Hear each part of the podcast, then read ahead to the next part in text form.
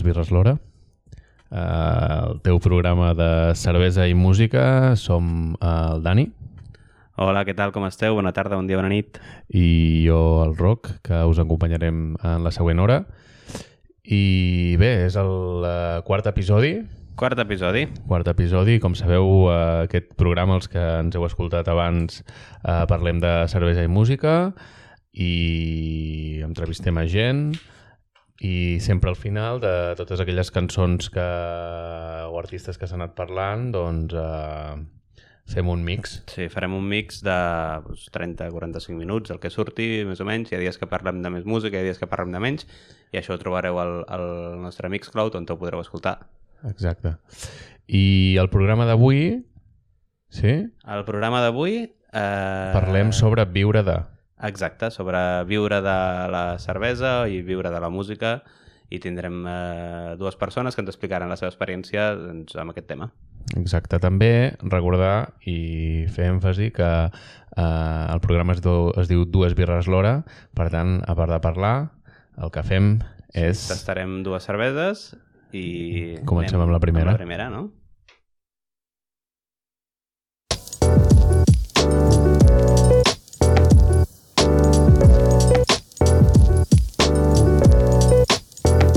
Què bevem avui? Yes, què bevem avui, Dani? Què bevem avui? Bueno, doncs, amb, què, amb què eh, comencem? Començarem amb una de les uh, meves cerveses preferides, uh, una cervesa que recomano moltíssim a tothom, que és una cervesa d'una cerveseria... Les vaig agafant, eh? Sí, sí, tu mateix. D'una cerveseria belga que està a Brussel·les, si no m'equivoco, que es diu Zinebir, i, i és una cervesa seva que es diu Taras Bulba. Una... Eh. Ells li diuen Extra Hoppy Ale, Uh, extra hoppy, uh, pel meu entendre, tractant-se d'una cervesa belga, però bé, una cervesa boníssima. Som-hi, doncs? Sí, obrim, obrim. obrim. Vinga, va, t'ajudo. Serveixo, eh? Sí. Avui n'hem portat dos ja, eh? Vull dir, dues birres, hem decidit que vol dir dues birres diferents, però som dues boques. Depèn del dia, fem eh? curt, fem curt a vegades.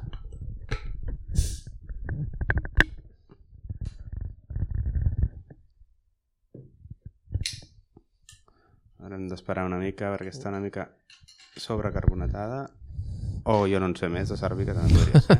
Què anava a dir? És una... No, no em sembla que encara no n'hem parlat, però l'altre dia ho comentàvem tu i jo eh, fora del programa, el tema de les de la, de la imatge, el tema de les eh, il·lustracions. Sí, de les etiquetes, no? Aquesta és, és especialment guapa. Sí, aquesta és, és molt divertida. Està guai. Vale, doncs mentre baixa l'espuma, si et sembla, passem a, a la primera convidada d'avui. Sí, som-hi. expliquem... Vale. Vinga, som-hi.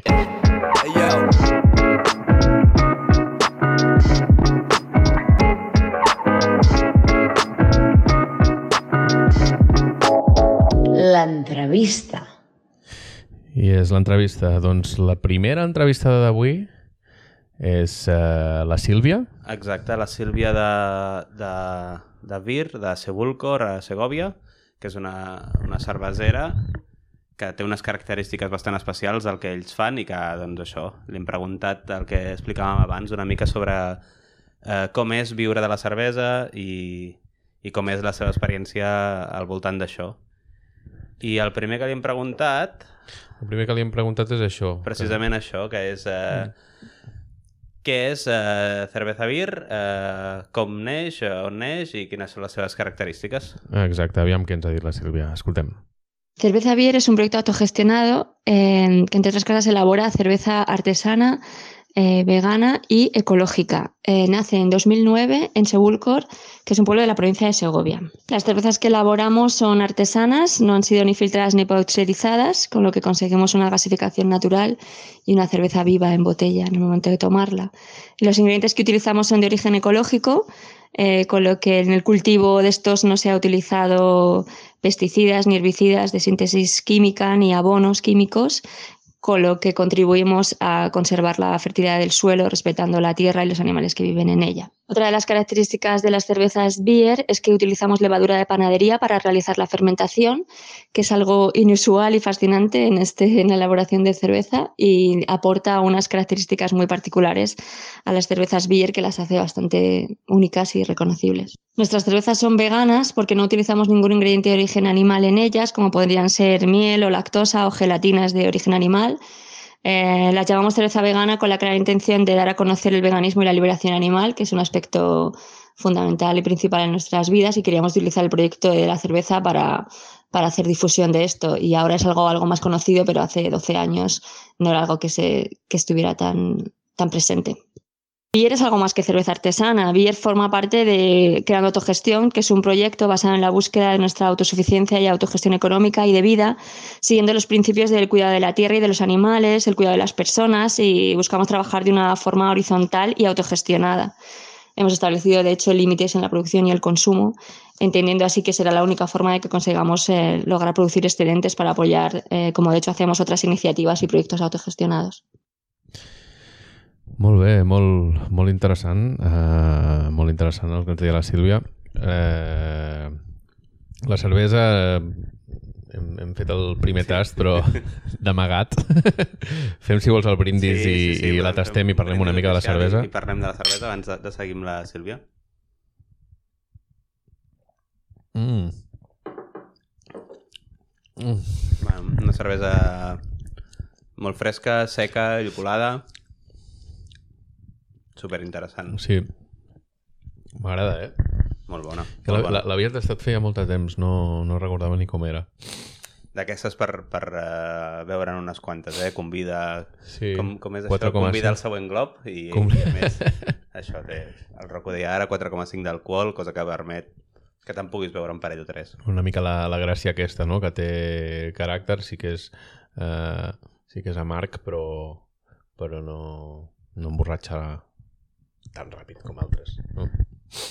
Doncs comentant una mica això que deia la Sílvia, no? És, eh, sobretot és un, és un eh, més que una cervesa és un projecte, no? Un projecte conxos, no? Un projecte molt conscient amb, amb uns... Mm. Eh, bueno, amb unes línies molt, molt marcades de, de ells el, el que pensen i és la manera de transmetre-ho eh, a través de, de la cervesa. Sí, que jo crec que elles tenen molt clar què volen fer i com volen viure i són molt coherents amb, amb, amb el que elles pensen i, i així ho defensa la seva cervesa, no? Doncs això, una cervesa vegana, una, cerve una cervesa feta des de l'autogestió.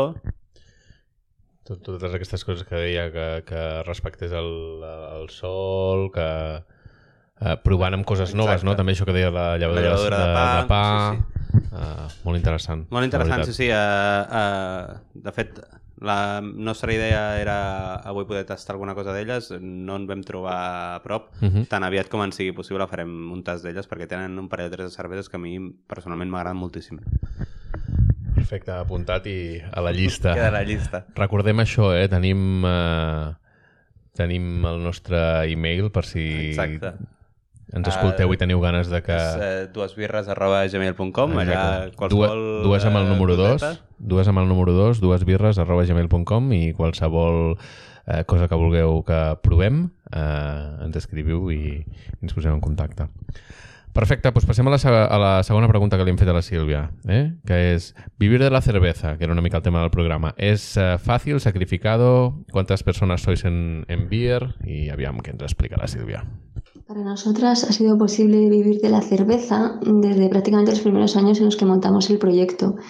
Y esto fue y sigue siendo posible porque el propio diseño del proyecto, el proyecto original incluía la elección de un cambio radical en nuestra forma de vida, donde buscábamos eh, vivir de una forma más simple y sencilla y estábamos basándonos en modelos de propuestas de economía autogestionada y modelos de decrecimiento que son otras formas de ver el mundo que nos interesan mucho más, sobre las que queremos apostar y experimentar. En Cerveza Bier somos dos personas y es un proyecto eh, autogestionado horizontal. Entonces, eh, en algunos momentos que hemos sido tres personas, eh, éramos tres socios de iguales condiciones, entraban sin tener que necesidad de aportar ningún capital y, y los meses que estuvieron, pues estábamos las decisiones entre las tres. Y ahora son- desde hace años ya somos dos personas, desde hace más de seis años y nuestra intención es seguir siendo dos personas y estamos haciendo mucho esfuerzo por por adaptarnos a, a que sea posible entre dos. Sobre si he sacrificado eh, vivir de la cerveza, eh, sí que te puedo decir que los primeros años requirió mucho esfuerzo por nuestra parte, al ser solo dos personas, eh, para montar todo el proyecto, además con una inversión realmente mínima. eh, tuvimos que ocuparnos mucho de, de- de- de toda la propia casi construcción del obrador, del montaje de los equipos y, y- es una fabricación muy, muy manual que requiere muchísimo esfuerzo eh, por las características además del lugar en el que estamos. Y sí que podrías eh, vivirlo como, como un sacrificio, eh, pero es algo también que estamos revisando desde hace mucho tiempo y que no queremos que sea como la dinámica a mantener, ¿no? Y queremos cambiar esto. Y de hecho estamos haciendo mucho por ello, haciendo muchas adaptaciones para, para seguir pudiendo hacerlo viable para dos personas y adaptar la, la, la forma de elaborar en los aspectos en los que es eh, realmente muy manual, hacerlo con ciertas facilidades y, y estamos apostando mucho por ello para que deje de ser un sacrificio. Un sacrificio. Sí, sí. Uh, molt interessant. Sí, el que dèiem, que és un projecte que, que respon molt a, a la coherència del seu ideari Uh -huh. i que si ja a vegades és complicat viure d'una cosa com la cervesa eh, deixant-te portar per la corrent o per la, pel, per la manera de viure més comú, si a més a més ho vols fer d'una manera coherent amb un ideari Mhm. que es desmarca molt del, del, del, De la corrent. de la corrent eh, suposo que encara és, és més complicat. Però eh, és interessant eh, escoltar el que, el que li diuen o el que li dic jo eh, amb el sector eh, projectes d'èxit, no? O sigui, és guai conèixer gent que ho ha fet i ho està fent Sí. i no és només una idea que, que ostres, a mi m'agradaria poder eh, viure del que m'agrada i, i, i avançar eh, segons les meves idees, a vegades sona utòpic i penso que és interessant donar a conèixer gent que ho està fent i ja està... Bueno, Sí, és sí, sí, el que- programa d'avui, no? No, I que, com deia ella, que amb molt d'esforç i molt sacrifici, però que, que, que ho està aconseguint i que, que demostra que, que pensar diferent i voler viure d'una manera diferent no és impossible ni molt menys. Exacte. Guai, perfecte. Pues, uh, seguim amb l'entrevista. La tercera pregunta que li hem fet a la Sílvia és uh, nuevos retos y objetivos de Beer para los próximos años. Aviam què ens explica la Sílvia. Nuestro objetivo principal y reto de los próximos años eh, básicamente consiste en seguir trabajando para mantener el proyecto y que sea mm, viable y que se mantenga en el tiempo y que sea posible realizarlo para las dos personas para las que trabajamos en Beer. Y eso es algo que llevamos eh, varios años trabajando en ello y adaptándolo a todo lo que necesitamos y, y nosotras, para nosotras es lo principal y en lo que más queremos poner el, el foco, ¿no? En, en hacer todos los ajustes y adaptaciones que sean necesarias. Es un poco nuestro objetivo principal mientras seguimos haciendo cerveza y podemos sacar cervecillas nuevas cada vez que, que cuadra y surge en la producción, como ahora que vamos a sacar mm, en las próximas semanas una cerveza nueva, un estilo que no hemos trabajado hasta ahora. Todas nuestras cervezas de cerveza beer son ale y vamos a sacar nuestra primera lager en las próximas semanas. Además en un formato de 20 centilitros que hasta ahora no se había trabajado mucho en cerveza artesana, pero nos apetece como probarlo a ver qué va a ocurrir y, y qué tal funciona. Nos hace así un poquito de ilusión tirar a ver qué, qué ocurre, ¿no? Esta es una de las cositas que tenemos más en futuro inmediato y, y a largo plazo, pues lo que te comentaba y también seguir manteniendo la feria de cerveza artesana de Sebulcor, que también hacemos en el pueblo cada dos años, que nos encanta como festival, que nos requiere también como mucho trabajo, pero que nos disfrutamos mucho haciéndolo y nos gustaría seguir manteniéndolo también a futuro. Y simplemente como mantener todas estas cosas, pues la verdad es que ya son bastante retos y estamos contentas con poder con- intentar conseguirlo. Bueno, primero de todo y antes de que se me olvide, Silvia, eh, ahora que comentas lo de la feria, queremos venir a pinchar. Dan y yo queremos venir a poner música. Eh, coses a comentar del que deia. jo, jo volia dir una cosa que estava pensant ara amb aquestes primeres respostes i és que totes les respostes bueno, i, i tot el que explica es centra molt amb, amb, amb, amb el que pensen, no? amb que volen el projecte que sigui vegà, que sigui respectuós Mm. amb el medi ambient i tot això. Uh, a nivell d'aportar alguna a, a l'altra gent o als clients, penso que és molt més interessant i sempre és uh, molt més xulo consumir allò que t'estan donant algú que estima allò que està fent. No? És a dir, no, Totalment. no li estàs comprant uh, amb una persona que ven mm, 15 coses perquè creu que vol treure un profit o, o vol simplement guanyar diners, sinó que és algú que, que el que diem sempre, no? que t'aconsellarà i Bueno. que, i que t'escoltarà i que, i que t'explicarà tot allò d'algú que estima, no? Clar, del que estima i de, del, del que es creu al cap i a la fi i, Exacte, exacte. i, i del que coneix millor que ningú perquè segurament es passa gran part de les seves hores que està desperta eh, donant-li voltes a, a, a la mateixa roda. Bueno, però hi ha molta gent que es passa moltes hores fent algú que no estima, Sí, sí, sí, sí estem, no? I estem llavors que, que hi hagi persones que facin el que estimen, que puguin viure d'això i que a Mhm. sobre els de més ho podem gaudir, Sí, sí, tenim, no?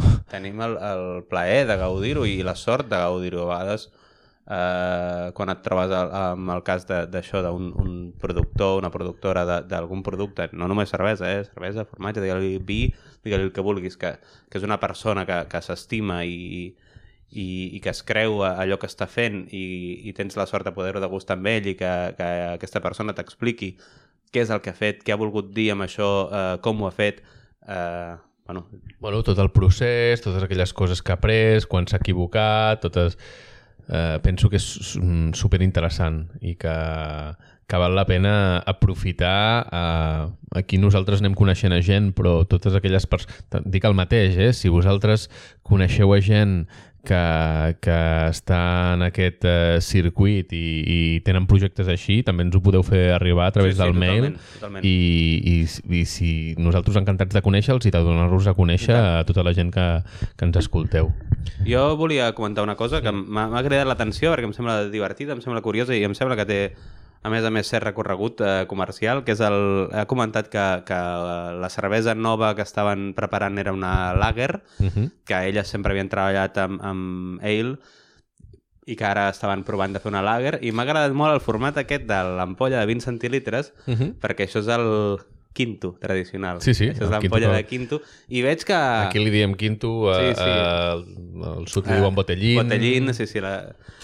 Em sembla molt interessant eh, plantejar de fer una lager en aquest format, perquè és el format tradicional eh, com es consumeix la lager industrial, i, hòstia, per què no? M'agradaria poder anar a qualsevol bar i demanar un quinto sense saber què demano i que em posessin una, una lager de vir. M'agradaria moltíssim, la veritat. pues, apuntat i tot, tots aquells eh, cervesers que ens hagueu escoltat, pues, que sapigueu que, que No, Beer, no, és un Beer estan, divertit. traient, estan eh, fent el primer pas. Perfecte, passem a la quarta pregunta que li hem fet a la Sílvia, que era, si solo... És una pregunta compromesa, ¿eh? Si solo pudieras beber un tipo de cerveza durante el resto de tu vida, te quedarías con una... Punts suspensius. Aviam què ens ha explicat la Sílvia. Elegir una cerveza para el resto de mi vida, ¿con cuál me quedaría? Wow, esta, esta sí que es difícil porque me encuentro eligiendo muy diferente tipo de cerveza según el estado en el que, de ánimo en el que estoy, o en el contexto en el que estoy, o con la gente, o entonces suelo, suelo cambiar mucho el, la elección de cerveza. Si tuviera que elegir una así como la, ya la única, la verdad es que me quedaría con algo, con algo sencillo y apostaría quizás por una, por una pale ale sencilla, eh, fácil de beber, que creo que podría acoplarse en cualquier momento. Bueno, curiós això que, que et comentava abans, no? Uh, abans, quan encara no ens escoltàveu, Estava muntant... quan estàvem muntant. Uh, totes les persones que estem entrevistant que, que fan cervesa, Mm. cerveseres, cervesers, quan els hi preguntes mm, recomana'ns una cervesa o amb quina cervesa et quedaries o amb què estaries molta estona bevent i, i series feliç, la majoria, o fins ara, coincideixen en això, que sigui... Sí, una cervesa del tipus pale ale, si pot ser, i moltes vegades monovarietal, una malta o llúpol. I amb poc alcohol, poc sempre alcohol, diuen. I endavant. Vull dir que, que, que és interessant amb això. Jo crec que... Jo ho comparteixo Jo totalment, eh? Jo quan, coincidim, quan uh, vaig, uh, sobretot abans que ens podíem moure més, però Sí. ara quan per poc que em pugui moure i, i vaig a un lloc on tenen les seves cerveses punxades i pots provar, el primer que vull provar sempre i el que em dirà molt de, de, de com treballa i, i com la toca aquella gent Uh -huh. és uh, això, és la pale ale bàsica, eh, mal dit bàsica, perquè moltes vegades que quedi rodona una cervesa eh, en teoria, entre cometes, simple, és molt més difícil que una cosa que porta 50 coses diferents. Sí. I per mi és el primer que s'ha de tastar quan vas a un lloc, eh, que un lloc que facin pale ales, òbviament, vull dir, si vas a veure un lloc on només fan lagers, doncs ja buscaràs una altra cosa diferent. Però la pale ale de la casa diu molt de, de com es treballa. Ara, ara volia dir una cosa, m'acaba de venir al cap. Eh... Bueno, en molts programes hem parlat de, de, del Pepe, del Cinglot, que, que, en, que ens ha ensenyat molt. De fet, eh, les cerveses que portem avui ens, ens les ha proporcionat ell. Eh, ell sempre que va a un lloc, bueno, jo molts cops que he estat amb ell que, que va a un lloc eh, nou, això és dit, eh, sempre està bé provar una ale. Ell sempre el que diu és què és el que haig de provar? De lo que tens tu, què és el que haig de provar? I és una cosa que he agafat jo també. O sigui, quan vaig a, a, a un restaurant o quan mm. Mhm. vaig a, a provar alguna cosa, sempre pregunto eh, amb els restaurants els dic direc- directament amb el cambreu, cambreu els dic què és lo que està més rico? Tu, tu, tu què te comeries, saps? I, bueno, em sembla, em sembla guai. No, és interessant i tant, i més si, si tens la sort de la persona que està treballant, doncs això és una persona que coneix bé el seu producte. Pues el que dèiem de l'altre dia, a l'últim programa del Couchsurfing, no? Les persones locals, les persones que tenen el seu... Insiders. Sí, no, no... És una mica el, el, el canvi de dir vull conèixer el que fas i no tant vinc aquí i vull escollir jo perquè jo mm -hmm. tinc Mhm. el poder d'escollir, no? bueno, és igual. Uh, última pregunta que li hem fet a la Sílvia. És una pregunta que crec que ja està És instaurada, clàssic, ja, sí. que és uh, que ens recomani un maridatge de disc i cervesa. Aviam què ens ha dit la. Para maridaje de disco y cerveza, te voy a recomendar un disco de un grupo que se llama Decisión. El disco se llama igual, solo tienen ese disco. Lo sacaron hace 10 años. Es un grupo de hardcore de Madrid con letras muy comprometidas. Es un disco que me encanta, lo escucho mucho y me, y me pone muy en marcha. Y, lo tomaría, lo tomaría, fíjate, con una Vansetti, que es una cerveza de beer. Es una cerveza tostada, ligeramente maltosa y muy equilibrada. Lo tomaría con, con eso, escuchando decisión. Salud. Salut, Sílvia, salut. També dir això, eh? Aquí ha fet la, la falca. Segur que s'hagués pres una pale ale. Uh, què anava a dir? M- Muchísimas gracias, Sílvia, uh, por uh, contestarnos las preguntas. Ha sido un placer. I només recordar això, uh, pels que ens estan escoltant, que tota l'estona hem dit beer, és beer amb un B baixa. Sí, clar, Sí, nosaltres quan- de Vilanova, eh, com que parlem bastant malament el català, és una cosa Exacte. de, del Garraf, fem poca distinció entre la B alta i la B baixa, és Veer. Beer, Sí. vale? B, eh, B baixa, E, E, R, aquest projecte superinteressant que... Sí, de Sebulcor, a Segovia. I... Exacte, seguiu-los a les xarxes socials i compreu, Compreu, compreu. i consumiu la seva cervesa. Run it!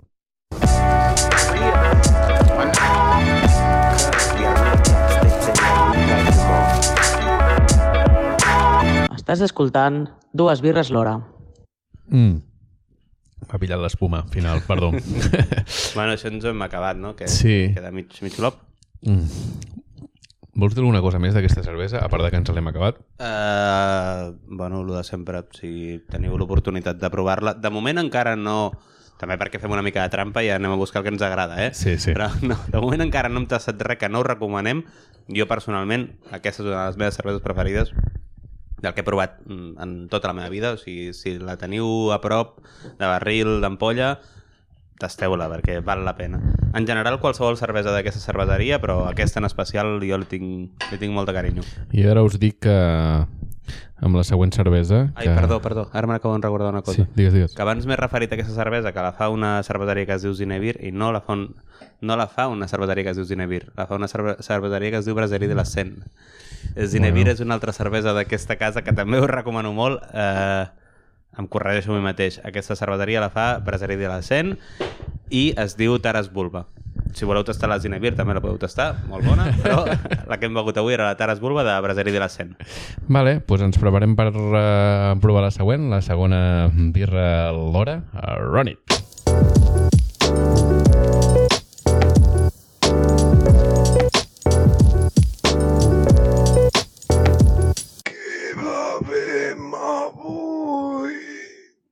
Gràcies, Pere. I és clàssic, Pere. Ànims, ànims.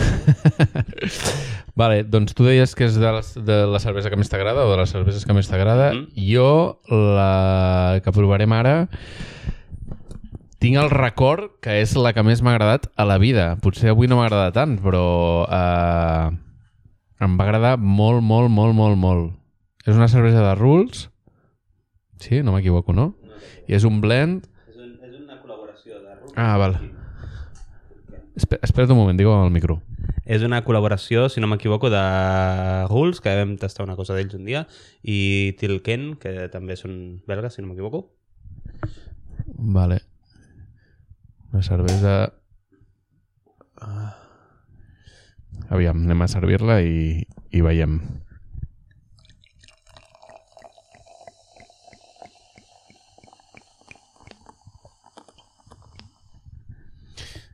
Bona, bona, bona, bona pinta.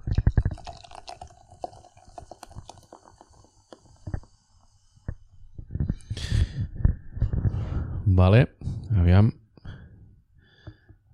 Hi ha més informació a l'ampolla o...? Cervesa de 7, 7 graus.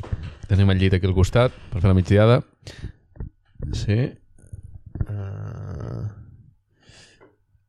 Beer mixed fermentation. És... Un és un stout. blend, no? És un blend. És, que és un blend, entre, entre una stout i una sour, em sembla. i una Eh? sour, una stout que, si no m'equivoco, és de, de Rules, i una i una d'això i una àcida de Tilken i això ho, ho barregen i, i queda uh, durant 8 mesos Sí. en una Posa- barrica i després uh, 6 mesos de refermentació en ampolla. Si no m'equivoco, va per aquí. Sí. Uau. Increïble. Aviam, olorem. Vinga, va.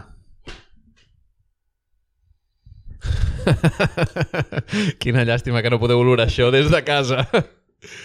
Mare meva. Mm -hmm. Va, un festival. M'he caigut enrere. Està bo, eh? Està molt bo, eh? Està boníssim. Està Ah, Té moltes coses, té, té part de les característiques eh, de la cervesa negra de l'Stout, però com que això és del 2018, si no m'equivoco, eh, aquí... 2017 i 2018, Doncs eh? Té, té aquí 2017 i 2018. Sí, perquè és la barreja dels dos anys. Sí. I jo crec que amb, amb la maduració la, la, el caràcter sour va, va menjant una mica d'espai Mhm. i llavors és molt refrescant, eh, té un punt àcid, eh, superinteressant. Quina sort que tenim de tenir el cingle de Vilanova, no? Feu-vos socis. Feu-vos socis. socis, que val la pena. Vale, som-hi. Endavant.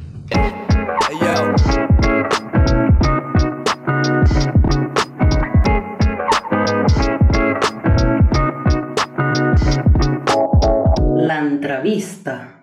Yes. L'entrevista, la segona part de l'entrevista, com recordem que estem parlant de viure de, de la música, viure de la cervesa, hem parlat de viure de la cervesa amb la Sílvia de Fir, i ara doncs parlarem de viure de la música amb... Parlarem de viure de la música amb el Gerard.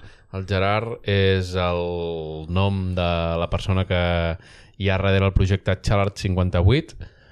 Uh, és un eh, productor de Barcelona, de la Verneda. Bueno, té la- té el- té l'estudi a la Verneda. Sí. Uh, Panchita Records es diu. I és una persona que porta molts anys dedicada a la música. Ara està molt centrada en el món del DAP i en produir coses de DAP Uh -huh. i bueno, ja veureu amb les preguntes que li hem fet, ens va explicant bastant el, el, el seu recorregut i és una persona que actualment, doncs, a part de l'estudi, de produir, eh, a part del segell fan ràdio, que l'altre dia us vam recomanar el seu podcast que es sí. diu La Panxita Radio Show, que fan ell i l'Àlex Badalonians, mm, molt recomanable. I res, si sense més dilació passem a la, Què li hem preguntat? Va. a la primera pregunta. Uh, jo he parlat una mica, però ell ho explica millor. La primera pregunta és explica'ns explica qui és Charles 58. Doncs, què tal? Doncs soc Xalar 58. I Xalar 58 qui és? Eh, Xalar 58 és un currante de la música, és un curruco que, que bàsicament es dedica a, a lo que és la... es podria dir la producció, però més és a fer cançons de dub i reggae, que és el que més eh, m'agrada. Eh, és el que més eh, mai m'he cansat de fer i mai m'ha canso d'escoltar, encara que m'agradin altres músiques i em dedico doncs, a això, doncs, a fer mm, cançons meves, produccions meves amb altres músics i artistes, però també produccions i treballs d'altres persones. I aleshores em sento també un suport, no? O sigui que, que bueno, és la meva feina. Guai, també, com deia abans, eh, molt guai eh, conèixer gent que es dedica al que els hi agrada. A més a més, en aquest cas, eh, tant amb el Dani i a mi ens agrada molt la cervesa i molt la música i, i el que fa la Sílvia ens agrada i el que fa el, Sí, el sí. Xalart ens agrada, per tant és guai conèixer que ells s'hi dediquen i, i conèixer més aviam com ho fan, Sí, sí, no? a, a mi sempre em sembla molt interessant que, que les persones que treballen en, en sectors que m'interessen encara que no siguin el meu, però coses que m'agraden molt, com això, el que deia el rock, la música o la cervesa, que m'expliquin com, com és viure dins d'això, com viuen ells eh, dins de- d'aquests mons. Uh, precisament la següent pregunta va sobre això, que ens expliqui una mica més uh, què és viure de la música en el seu cas, no? si és fàcil, si és difícil i què és el que comporta. Aviam què ens explica el Gerard. Doncs viure de la música eh, no és més fàcil o més difícil que viure de, de, de tindre un forn de pa o tindre un restaurant. Això m'he donat compte amb els anys, que la música no és que sigui un, ni rentable ni deixa de ser rentable. O sigui, és, em sento igual que això, un treballador que es munta una petita empresa i ha de tirar endavant. Aleshores, per mi la música és autoexplotar-me a mi mateix, porto molts anys treballant i realment tiro endavant perquè li foto moltes, moltes, moltes hores, moltes més hores que si treballes per una empresa, perquè com treballo per mi doncs m'autoexploto i sana con gusto no pica. Però sempre ho he pensat, o sigui, jo porto molts anys a la música, vaig començar amb la percussió, la bateria, després m'he anat reciclant perquè bueno, pues, eh, tens fills, tens vida i una cosa porta a l'altra, però com qualsevol negoci, o sigui, realment és treballar, treballar i anar veient nous horitzons. Que guai.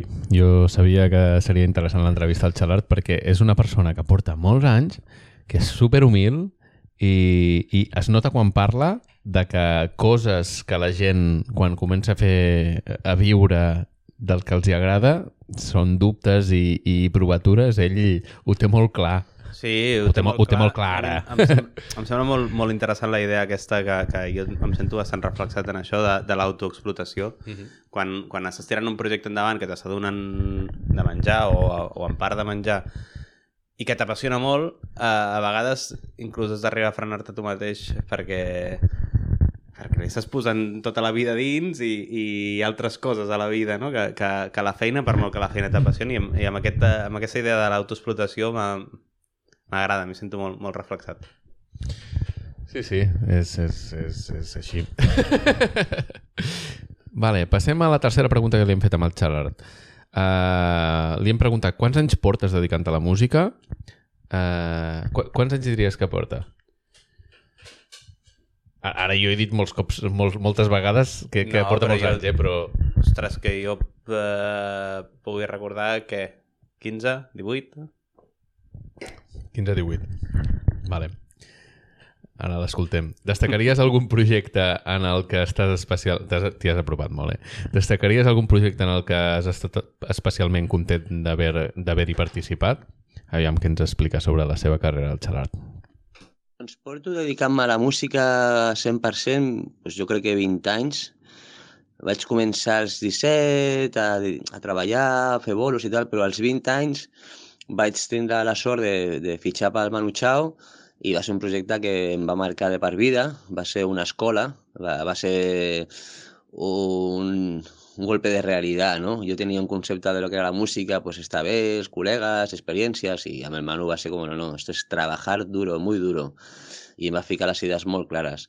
Després vaig estar amb la Kinky Beat, que va ser com el meu projecte personal amb els meus amics, que va ser una altra experiència molt important que va durar 10 anys, una autogestió, un, un fer-ho tot, no? I vaig aprendre moltíssim, fins que em vaig ja dedicar a xerrar 58.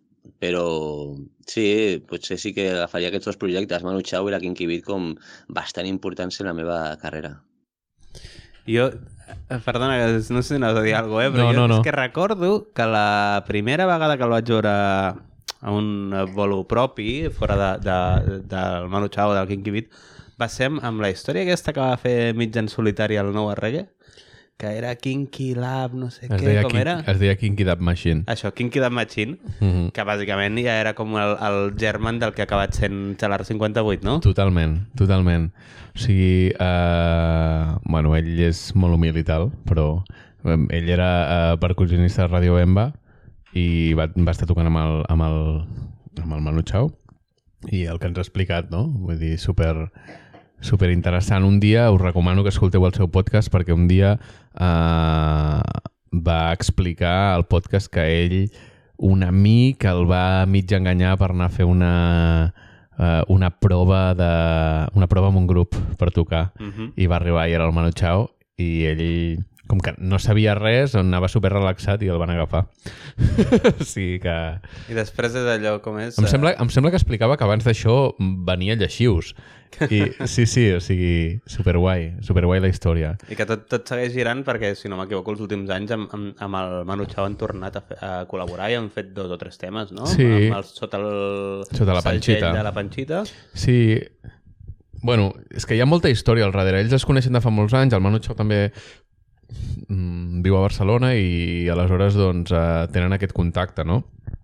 I dins dels artistes que han fet coses amb la Panxita hi ha gent com el senyor Wilson, per exemple, i un dia explicaven al programa també que eh, un dia estaven amb el Manu Chao allà al- al- a l'estudi i eh, el Manu Chao, no sé, li va deixar escoltar alguna que havien gravat i, i el... no, això no ho van explicar al programa, ho vaig escoltar en un live que, que feia el senyor Wilson. Uh -huh. i que a les 11 de la nit o així no, el Manu, o sigui, el Manu Chao va dir hòstia, com mola aquest paio eh, vull que vingui a l'estudi i gravar alguna junts.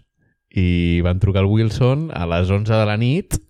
Eh, què fas? estic amb el Manu Chao a l'estudi et diu que vinguis a gravar. I bueno, com eh, a dream come true Sí, eh, clar, clar, de cop i volta et trobes amb una cosa així, no, no pots dir que no, per molt que estiguis fent el que estiguis fent. I de fet, eh, han seguit... Bueno, eh, eh, això, han fet...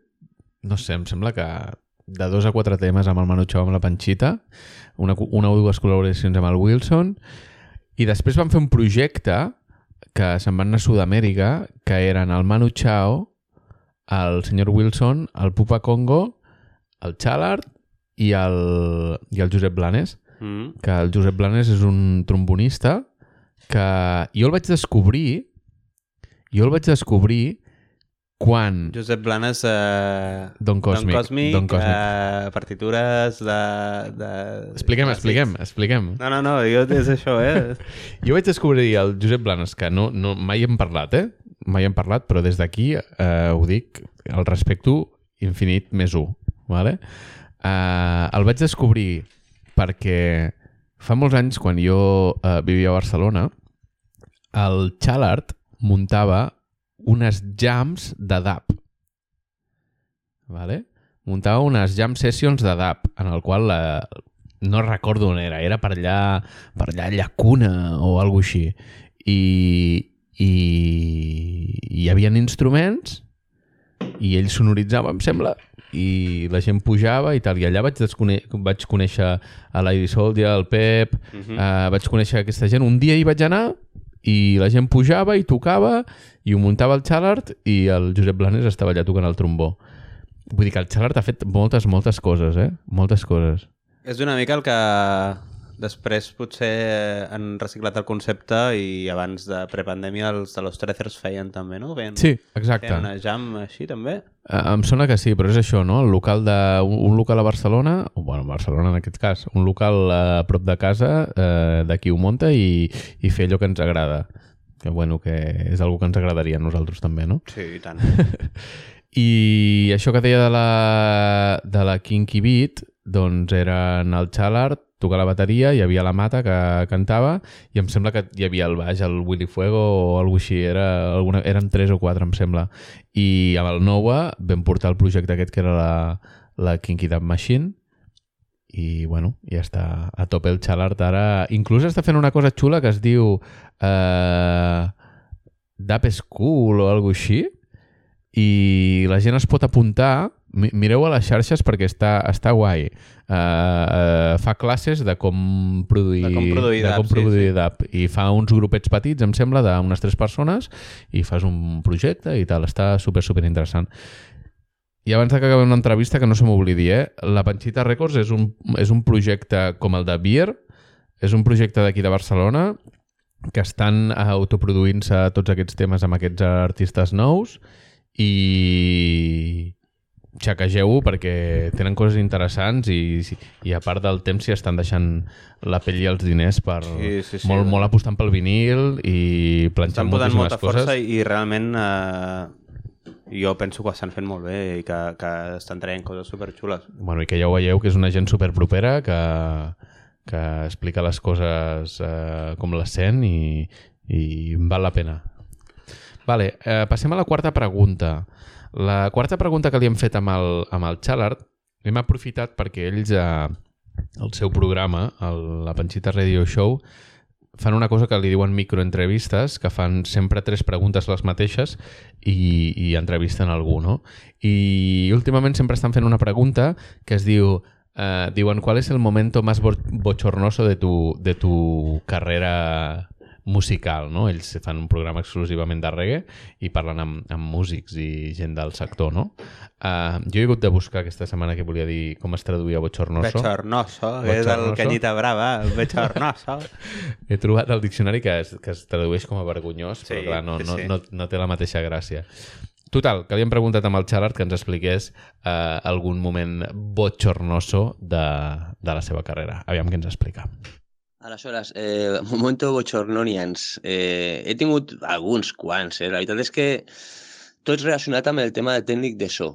Com a tècnic de so, eh, estàs eh, condemnat a viure moments bochornosos fins al final dels teus dies, segur que tinc claríssim. Perquè depens molt de, de moltes coses que, que no pots arribar a controlar.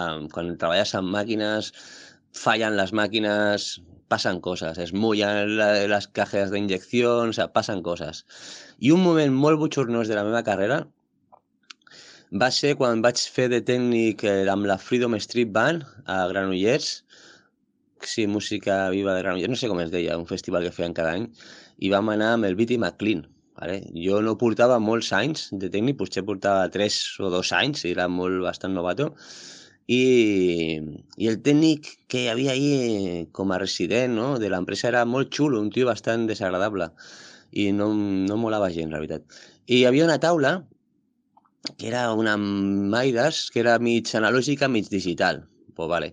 Vam fer el concert del B.T. McLean, tornava... Vaig fer dos concerts seguits, eh, Mystic Soldiers i després B.T. McLean. I amb el B.T. McLean tot anava molt bé, eh, tot anava perfecte. Jo me'n recordo que era una taula analògica i tenia com un, eh, un quadre digital al costat del, del fader, molt a prop de... O sigui, al mig de la taula, i era un quadre petitet, com una calculadora. I jo estava al bolo, anava tot superbé, tot sonava bé, estava content, i em vaig recolzar a la taula com una miqueta primer moment de descans després de dos bolos seguits. I al recolzar-me una miqueta a la taula vaig notar que li vaig donar amb el colze, no sé amb què, o amb la part del dit gruixut, a un botonet de la, del, del panell digital. I tal com li dono, noto el clic, fa el so, vup, i se'n va. I jo dic, però esto què és? Uau! I clar, els faders estaven pujats de la taula, però i jo, merda, merda. I la gent comença a mirar enrere, de a poc a poc les cares es comencen, els caps es comencen a girar cap a mi, Jo, merda, això no sona, començo a donar-li al, al tauler digital com para la flecha para atrás, como no, no, vuelve atrás, control Z, i no passava res, i no sonava. I jo me cago en la puta. Tothom mirant-me a mi, va ser com dos minuts, eh, eternos. La banda seguia tocant, però no s'escoltava res des de fora. I començo a pujar un fader de la taula que ja estaven pujats per a moure'ls i comença a aparèixer la bateria, alguna cosa així. I jo dic, mare meva, van parar de tocar, la banda, a un moment va sonar la veu, el Viti McLean supermaco va dir no miréis al tècnico, mirar-me a mi, va fer una capela, esperant que jo pugui resoldre, però el tècnic, el cabronazo, estava de la... va desaparèixer en aquell moment, jo estava sol, tothom mirant-me, fent uh, lo típic, jo flipant, i darrere es veu que estava el, el paio, el, el tècnic responsable, esperant a que jo ho estigués passant tan malament. I el tio me'n recordo que li deia a un company seu, estava darrere meu, jo no em vaig donar compte, el tio no, no m'aj- no m'ajudava, deia, va, aquest tio és un garrulo. I amics de la Mystic Soldier, de la banda que estaven per ahí, li deien al tio, tio, però ajuda'l, no sé què. I quan li van increpar, el tio va dir, vale, vale.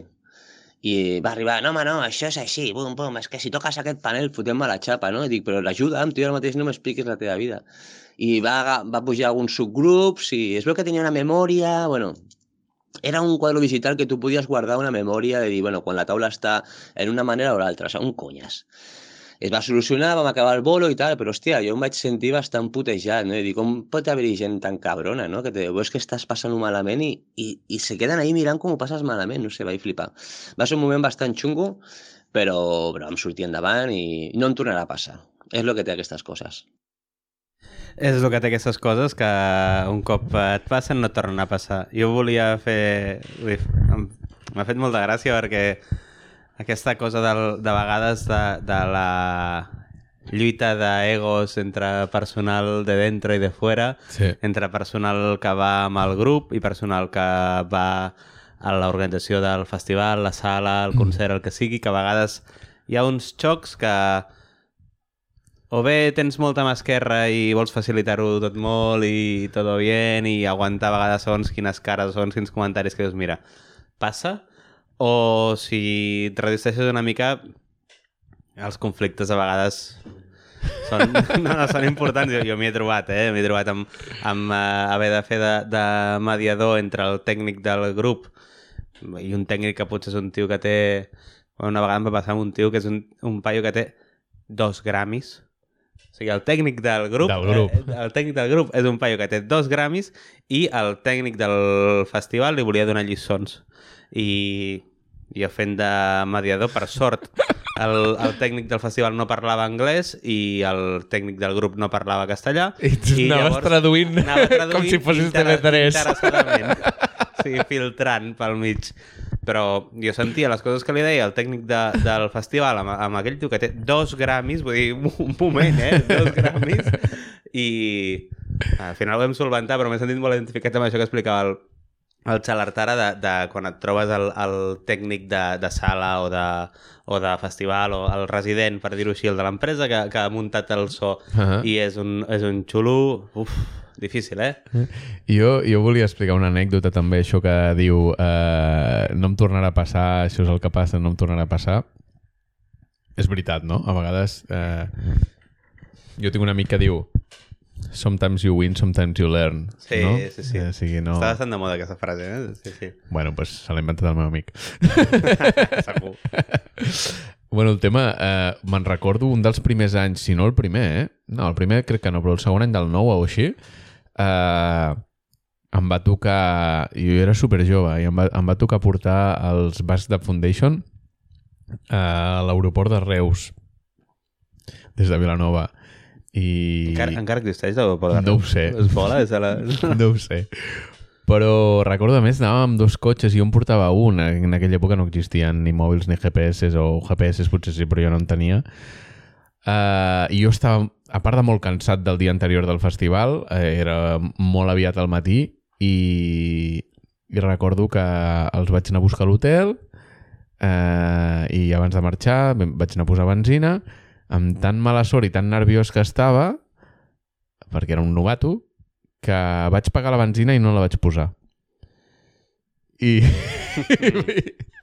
i vaig tirar i mica en mica veia que, que pum, Pling. pling, em va saltar la benzina i jo amb els músics allà que havien d'agafar un avió i, bueno, al fin... no sabia molt bé on anava perquè no havia anat mai a l'aeroport de Reus, al final ho vaig trobar i els nois supermacos i ningú, ni, ni, no va saltar cap alarma ni res. Uh, I al tornar, doncs, uh, vaig, vaig aconseguir posar benzina. Bueno, me'n recordo que eh, no tenia ni pasta. Vaig parar a Cast Castelldefels Platja, que treballava amb ma germana, per demanar-li pasta, per posar benzina. Bueno, un desastre. Però bueno, coses de la vida que no em tornaran a passar, tampoc, la veritat. És, És que el món del... El món del runner, eh? El món del... del... I el món del reggae, manager. també, perquè no hi ha diners. O sigui, és No, com... no, però a part d'això, vull dir, a vegades que et poden passar coses independentment de reggae o no reggae. Sí, sí, sí, sí. Bé, A mi m'ha passat que quan ja confiàvem totes les nostres vides en això, en els telèfons, eh, cada cop i volta, havent de tornar d'un poble al mig del nord-res a la província de Cádiz fins a Jerez de la Frontera, un mòbil que era nou, que tenia potser dos mesos, Sí. decidís morir-se. I, bueno, jo tranquil perquè anava amb dues furgonetes i, i jo li dic amb l'alt de l'altra furgoneta passa davant I et segueixo. i et segueixo. Què passa? Que jo amb el de l'altra furgoneta eh, havíem tingut un xoc d'aquests una mica de d'egos que dèiem abans, de, de xuleritos, pues, eh, jo en vez de deixar-ho passar vaig entrar i el vaig frenar, perquè a més en aquest cas jo portava l'expedició, per tant, qui pagava era jo, Uh -huh. i, i el tio va dir, pues sí, pues te vas a enterar, i va apretar molt, El, va apretar molt perquè ell portava només eh, dos músics i l'equipament i jo portava l'estrella. Llavors jo no podia apretar tant perquè el, el senyor se m'hagués enfadat molt. Eh, llavors, bueno, jo vaig confiar la meva sort de, de recordar com havia fet el camí d'anada i sí, vam arribar, però... Amb tots els nervis a sobre. Amb tots els nervis a sobre de, de portar doncs això, l'estrellita al, al, al costat amb els peus eh, per fora de la finestra fumant, eh, estirat, i, i tu perdut perquè bueno, havies fet aquell camí una sola vegada a la teva vida. Però sí, sí, vam arribar, vam arribar. Bueno, jo què sé. Eh... Coses que passen Sí, i ganes, ja ganes de tenir nets per ja explicar-los. Sí, sí, sí, batallites. Bueno, de fet, una mica també fem eh, la moguda aquesta de dues birres d'hora per això, no? Per explicar Sí. batallites. Exacte. A lo millor comencem a perdre gent que ens escolta, però és igual, nosaltres Eh. ens ho passem bé. vale, última pregunta que li hem fet amb el Xalart. Uh, la pregunta obligatòria, recomana'ns un maridatge, cervesa disc. Aviam què ens explica el Xalart. Vale. Y un meridacha, cerveza disc. A ver, yo cervezas, eh, a mí m'agrada molt la Mau. La Mau és una cervesa que m'encanta, la veritat. No sé per què. No sóc molt cervecero, és veritat, però aquesta li tinc un cert apreci perquè em sembla brutal. Qualitat-preu. I un disc, pues, bueno, recomanaria... ma- Últimament estic molt flipat amb el Nati Direct de Bob Marley. M'agrada molt. M'agrada molt aquest disc i el recomano. Té un so espectacular, marca un abans i un després en, en el so del reggae i els Wailers, que són la rehòstia, i tot en aquell disc és impecable. I bueno, Guai, Xalart. Doncs això, jo, jo volia fer una reflexió, no? Uh -huh. Uh, just ahir ho comentava amb, amb el Pepe el Cinglot. Ens estem trobant amb les persones que entrevistem que més gent que està dins del món de la cervesa artesana escolta uh, música més underground o música més Sí. artesana o música que més ens agrada que no pas gent que es dedica a la música de manera underground o que, o que ens agrada i que veu eh, cervesa que ens agrada, no? Crec Mhm. que, que, que està bé que surti això perquè és una realitat de que persones que hem entrevistat, no? Eh, és, és, la, és, la, és una foto de la realitat. Sí, sí, no? és, és, I és que molt menys... i... És molt... No, però vull dir que és, és, és, està molt més extès eh, la varietat musical que la varietat... Eh, que el que és la cervesa artesana, no? Sí, sí. Sí, sí, és així. Jo, mira, només que a final d'aquesta temporada aquests capítols serveixin perquè hi hagi una sola persona que hagi provat coses noves, jo ja n'estic content. Vull dir. Sí, sí. Llavors, vull dir, el que estem fent nosaltres aquí és eh, divulgació des del des de la nostra humilitat i des del poc que sabem nosaltres i, i recomanar el que nosaltres coneixem que no és més bo ni més dolent que No. el que recomani un altre. Llavors, jo només que, que perquè nosaltres diguem, ei, doncs prova això, prova això altre, o no sé què, algú ho provi i jo ja estic content. De totes maneres, faig d'advocat del, d'advocat del diable amb mi mateix. Uh, durant molts anys, quan era més jove o més petit, sempre pensava que l'underground era millor, no? I l'altre dia tu em deies, ah, ja, aquesta pantalla ja l'hem passat. És cert. Però en aquest cas, no?, del Challard, Bob Marley. O sigui, És que és, uh, és que és el típic clàssic. exemple, típic Vull dir- exemple de cosa superconeguda que és boníssima. I que, no te la, I que moltes vegades, potser amb el xip aquest eh, que parlàvem l'altre dia de eh, per ser poc conegut és millor, Uh -huh. amb aquest xip no te l'has parat d'escoltar com es mereixia. Exacte. A mi m'ha passat molts anys eh, després amb, amb els Beatles i vaig descobrir els Beatles potser, no exagero, eh, potser fa 7 o 8 anys. Uh -huh. Jo abans no els havia volgut prestar atenció. Coneixia les cançons, coneixia els àlbums, però no, no havia volgut prestar atenció. a Què.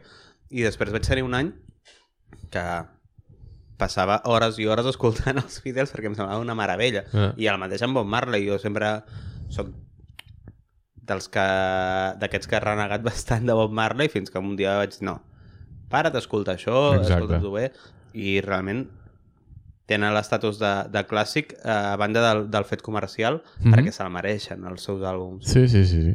Després, eh, dintre dels que tu consideres amb estatus de clàssic, t'agradarà més o menys. Jo no sóc un gran fan de Bob Marley, però, però realment la feina i, i l'estatus de gran obra d'art està allà, eh? A mi em sembla increïble el que van fer i em sap molta greu que, que gent com jo en el passat no els hi presti l'atenció que, que, que està guai consumir-los perquè es molen molt, la veritat, molen molt. Mo molta gent molt coneguda mola molt. Sí, que moltes vegades eh, ens quedem molt amb la idea aquesta de la samarreta o del, eh, del paper de fumar amb la cara o de- d'aquestes Bueno, i a- mogudes. i a va- I no, no, Bob Marley no és això, Bob Marley és la música. i a vegades és- Després, el, el, que el hippie blanc li hagi volgut donar altres atributs és, és la moguda del hippie blanc. I que són una mica les etiquetes, no? No perquè algú porti l'etiqueta de bio o d'ecològic ha de ser millor, no? O no perquè algú sigui underground ha de ser millor. Exacte, Eh, per tant, eh, les coses s'han de tastar exacte. i cadascú ha de tenir el seu criteri. I ja està. Bueno, parlem una mica de música o què? Som-hi? Aviam.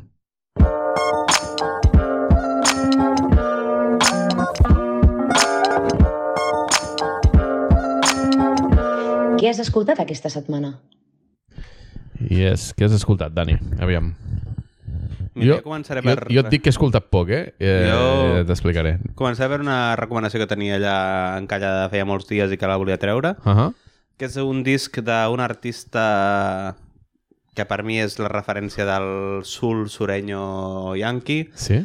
un senyor que ara jo crec que deu tenir gairebé 80 anys, 70 i llargs, que es diu Swamp Dog, No el conec. i que fa 3 anys, 2018, sí, 3 anys, va fer un disc en el que el senyor, com que ell sentia que tot el que sonava a la ràdio, eh, tot el que li arribava de, de la gent eh, afroamericana jove eh, era amb autotune, Uh -huh. doncs va decidir fer un disc En sèrio? només basat en l'autotune, que és un disc que és divertidíssim, que es diu Love, Loss and Autotune. I que... Uà, us recomano molt la carrera de, de, de, de Swamp Dog, Uh -huh. perquè és una persona que sempre ha estat molt atenta al que funcionava, al que no, a les tendències, a, a experimentar inclús dintre del món aquest del soul, R&B, eh, inclús a vegades tocant una mica més coses com el blues, però sempre molt obert a, a experimentar dins d'això, però és que aquest disc em sembla divertidíssim, perquè és com l'avi ens ensenya com es fa servir l'autotune i Hòstia, que guai. divertidíssim. Que guai. Doncs a mi aquesta setmana m'ha passat una cosa eh, que he redescobert un, un, un projecte musical que m'ha passat com allò quan proves una cervesa bona que no vols canviar. Mm -hmm. He estat tota la setmana escoltant Lola i Manuel. T'ho juro, eh? O sigui, sense parar, amb alternatiu a l'Spotify i m'agraden totes les cançons. O sigui, molt, molt recomanable a tota aquesta gent que, que no ho hagi escoltat o que hagi escoltat molt poc. Explica, Lola i Manuel. Una mica més de què va. Lola i Manuel és, és, era, era una parella. Uh, un dels dos es va morir, no sé si els dos. Manuel Molina i Lole... No sé, què, no sé com es diu, que tenen una filla que canta també l'Alba. Uh, era un projecte de flamenc que va revolucionar una mica, com alguns altres de l'època, uh, la tradició flamenca, no? I... Bueno, poc més a dir. És, és un tema molt... De... Quasi totes les cançons les canta ella. Uh... Ell toca la guitarra, palmes i poca cosa més, però és, és increïble. És increïble, o sigui... Crec que la setmana que ve seguiré escoltant-los. o sigui, m'ha agradat molt, molt, molt. Molt, la veritat. En, en conjunt això, volia recomanar una altra cosa, Sí? vale? tu que sempre recomanes documentals, sigui que... uh, el vaig veure fa temps, però és un documental d'un programa de televisió espanyola que es diu 80me. Sí. Vale? I és un vídeo, és un documental que vaig eh, trobar al YouTube, que està al YouTube, No, però això jo crec que la carta de televisió espanyola hi és també. Segurament. Sí, sí. però està penjat eh, a tot arreu. Es diu Flamenco Revolución i parla d'això que estava explicant, no? d'aquests grups bueno, surt Lola i Manuel, surt uh, Ray Heredia, surt Ketama, surt uh, uh, Enrique Morente, surt... Saps si, si Lola i Manuel eren de Nuevos Medios, també? Mm, és possible. Perquè jo sé que el, no primer, el primer que fa Ketama és amb Nuevos Medios, eh, Ray Heredia... És possible. Pues el documental aquest parla sobre això. Ray Surt també el, Heredia el està- Camarón i el, i el Enrique Morente, però surt gent de Nuevos Medios. Sí. Parlen que- precisament d'això, eh? com, com, com una mica el, el trencar això aquestes... Uh, bueno, Enrique Morente també ho va fer molt i òbviament Camarón amb la leyenda del tiempo tot era, era com el, el trencar amb aquesta tradició, que entressin altres instruments, que entressin Mhm. orquestres, violins, guitarres elèctriques... Sintetitzadors. Uh Sí, I Ray Heredia juga molt amb sintetitzadors.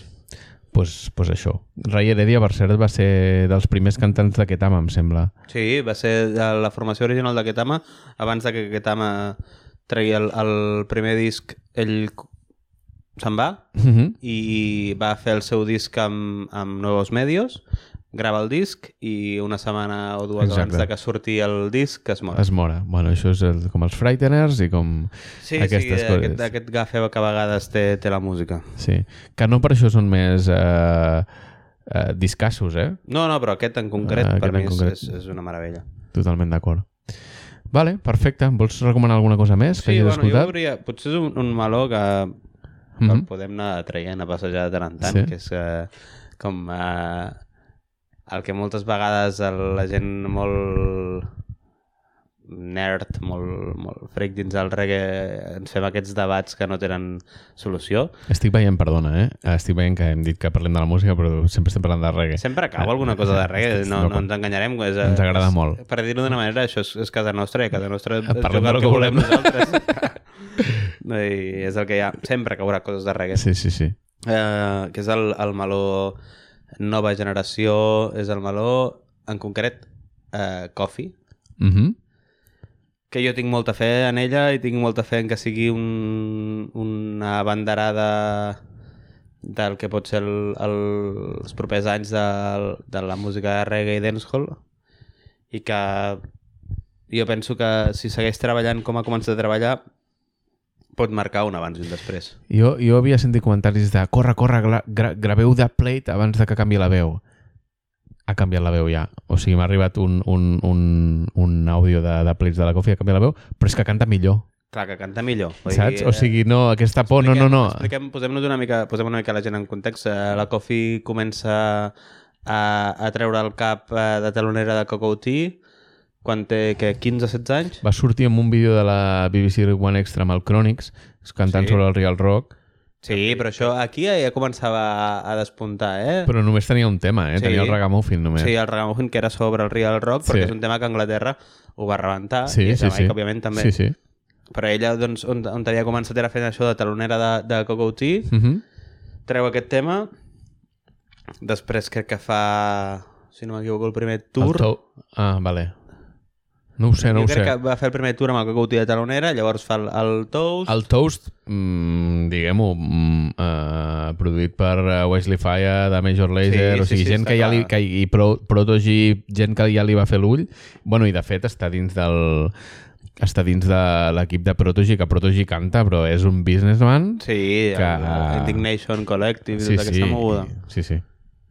Però a la vegada també està fent coses... Eh, fa guinyos a Obo, fa eh, guinyos i coses amb el Buju.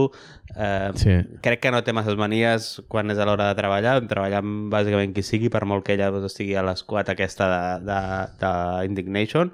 sí. I jo tinc molta fe, tinc molta fe amb, amb lo nou que, que, que, es- que corre la veu que està fent i perquè és que em sembla com eh,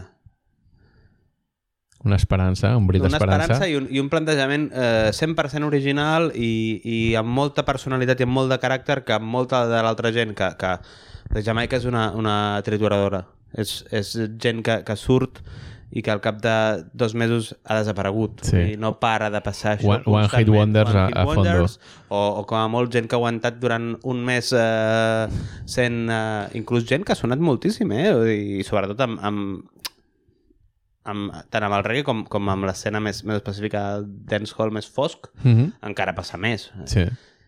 I en canvi jo amb, aquesta noia és que el, el plantejament que, que ella fa, l'approaching que fa ella a, a tot plegat, i a part que com a imatge és brutal, que això és una cosa que Bueno, l'altre dia, dia- tenir molt en compte. L'altre dia sortia amb l'anunci de Calvin Klein Bueno, i, i, i parlant de Grammys va guanyar l'últim Grammy, el millor disco de reggae. no, l'últim el va guanyar el Tuts. Ah, el penúltim, doncs. El penúltim. Que és un mig Ah, és veritat, és veritat. L'últim el va guanyar el Tuts, el, el d'aquest any, a, a títol pòstum, però el va guanyar el Tuts. Correcte, correcte. Sí, sí, el sí. Got to be tough. Mm. Discazo, eh? Vull dir, jo no m'esperava que fos tan bo aquest disc. També una altra vegada un disc d'aquests amb maledicció que, que el pobre Tuts va, va traspassar just al moment de treure el disc o unes setmanes Ah. abans o després de treure el disc. Bueno. I això, eh, Coffee. Coffee, eh, Coffee. El malo del Coffee. Jo crec que és un malo que anirà sortint Coffee coming perquè- like a raptor. perquè més d'hora que tard ja farà alguna cosa que farà que haguem de tornar a parlar d'ella, però si no la coneixeu, Coffee, una, una artista jamaicana... Sí. S'escriu amb K, K-O-F-F-E. E. Eh, Exacte. una artista jamaicana molt jove, molta energia, molta força, mm, amb un contingut líric que per lo jove que és molt interessant Mhm. i super recomanable. Perfecte, doncs uh, ho apuntem i queda farcidet el mix. Uh, fem, jo volia fer una mica de repàs uh, de coses que hem de dir abans de plegar, però si vols fem una mica de repàs pel mix abans. Sí, parlem de, de, De coses que hem parlat. al mix. Al mix hem parlat, de, ara al final hem parlat de d'això, de la Coffee, del Swamp Dog, de Lola i Manuel. Ha sortit també el nom de Ray Heredia, que. Sí, jo sí. penso que amb qualsevol mix de qualsevol cosa és fàcil d'encaixar. Uh -huh.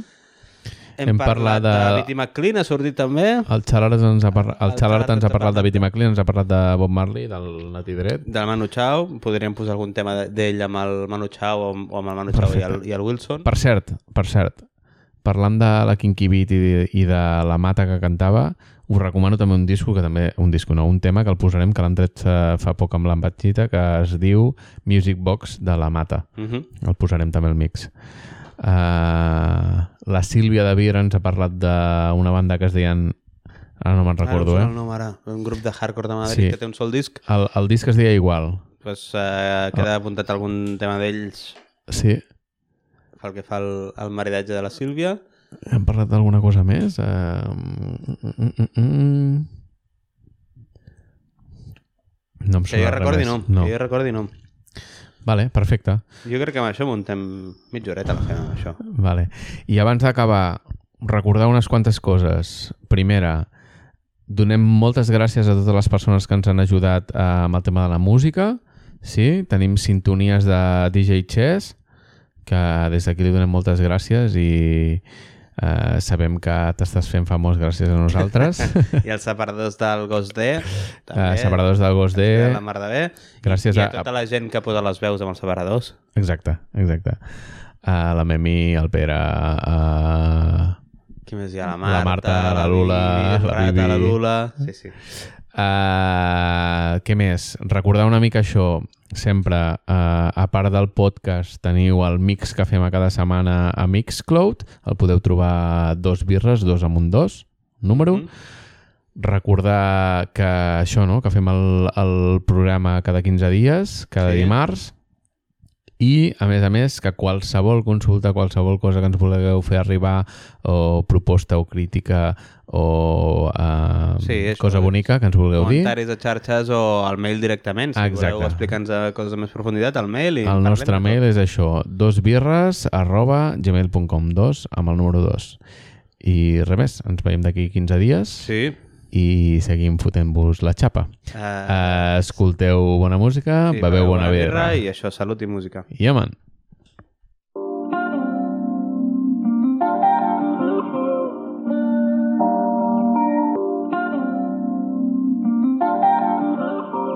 It's all good, baby. Baby,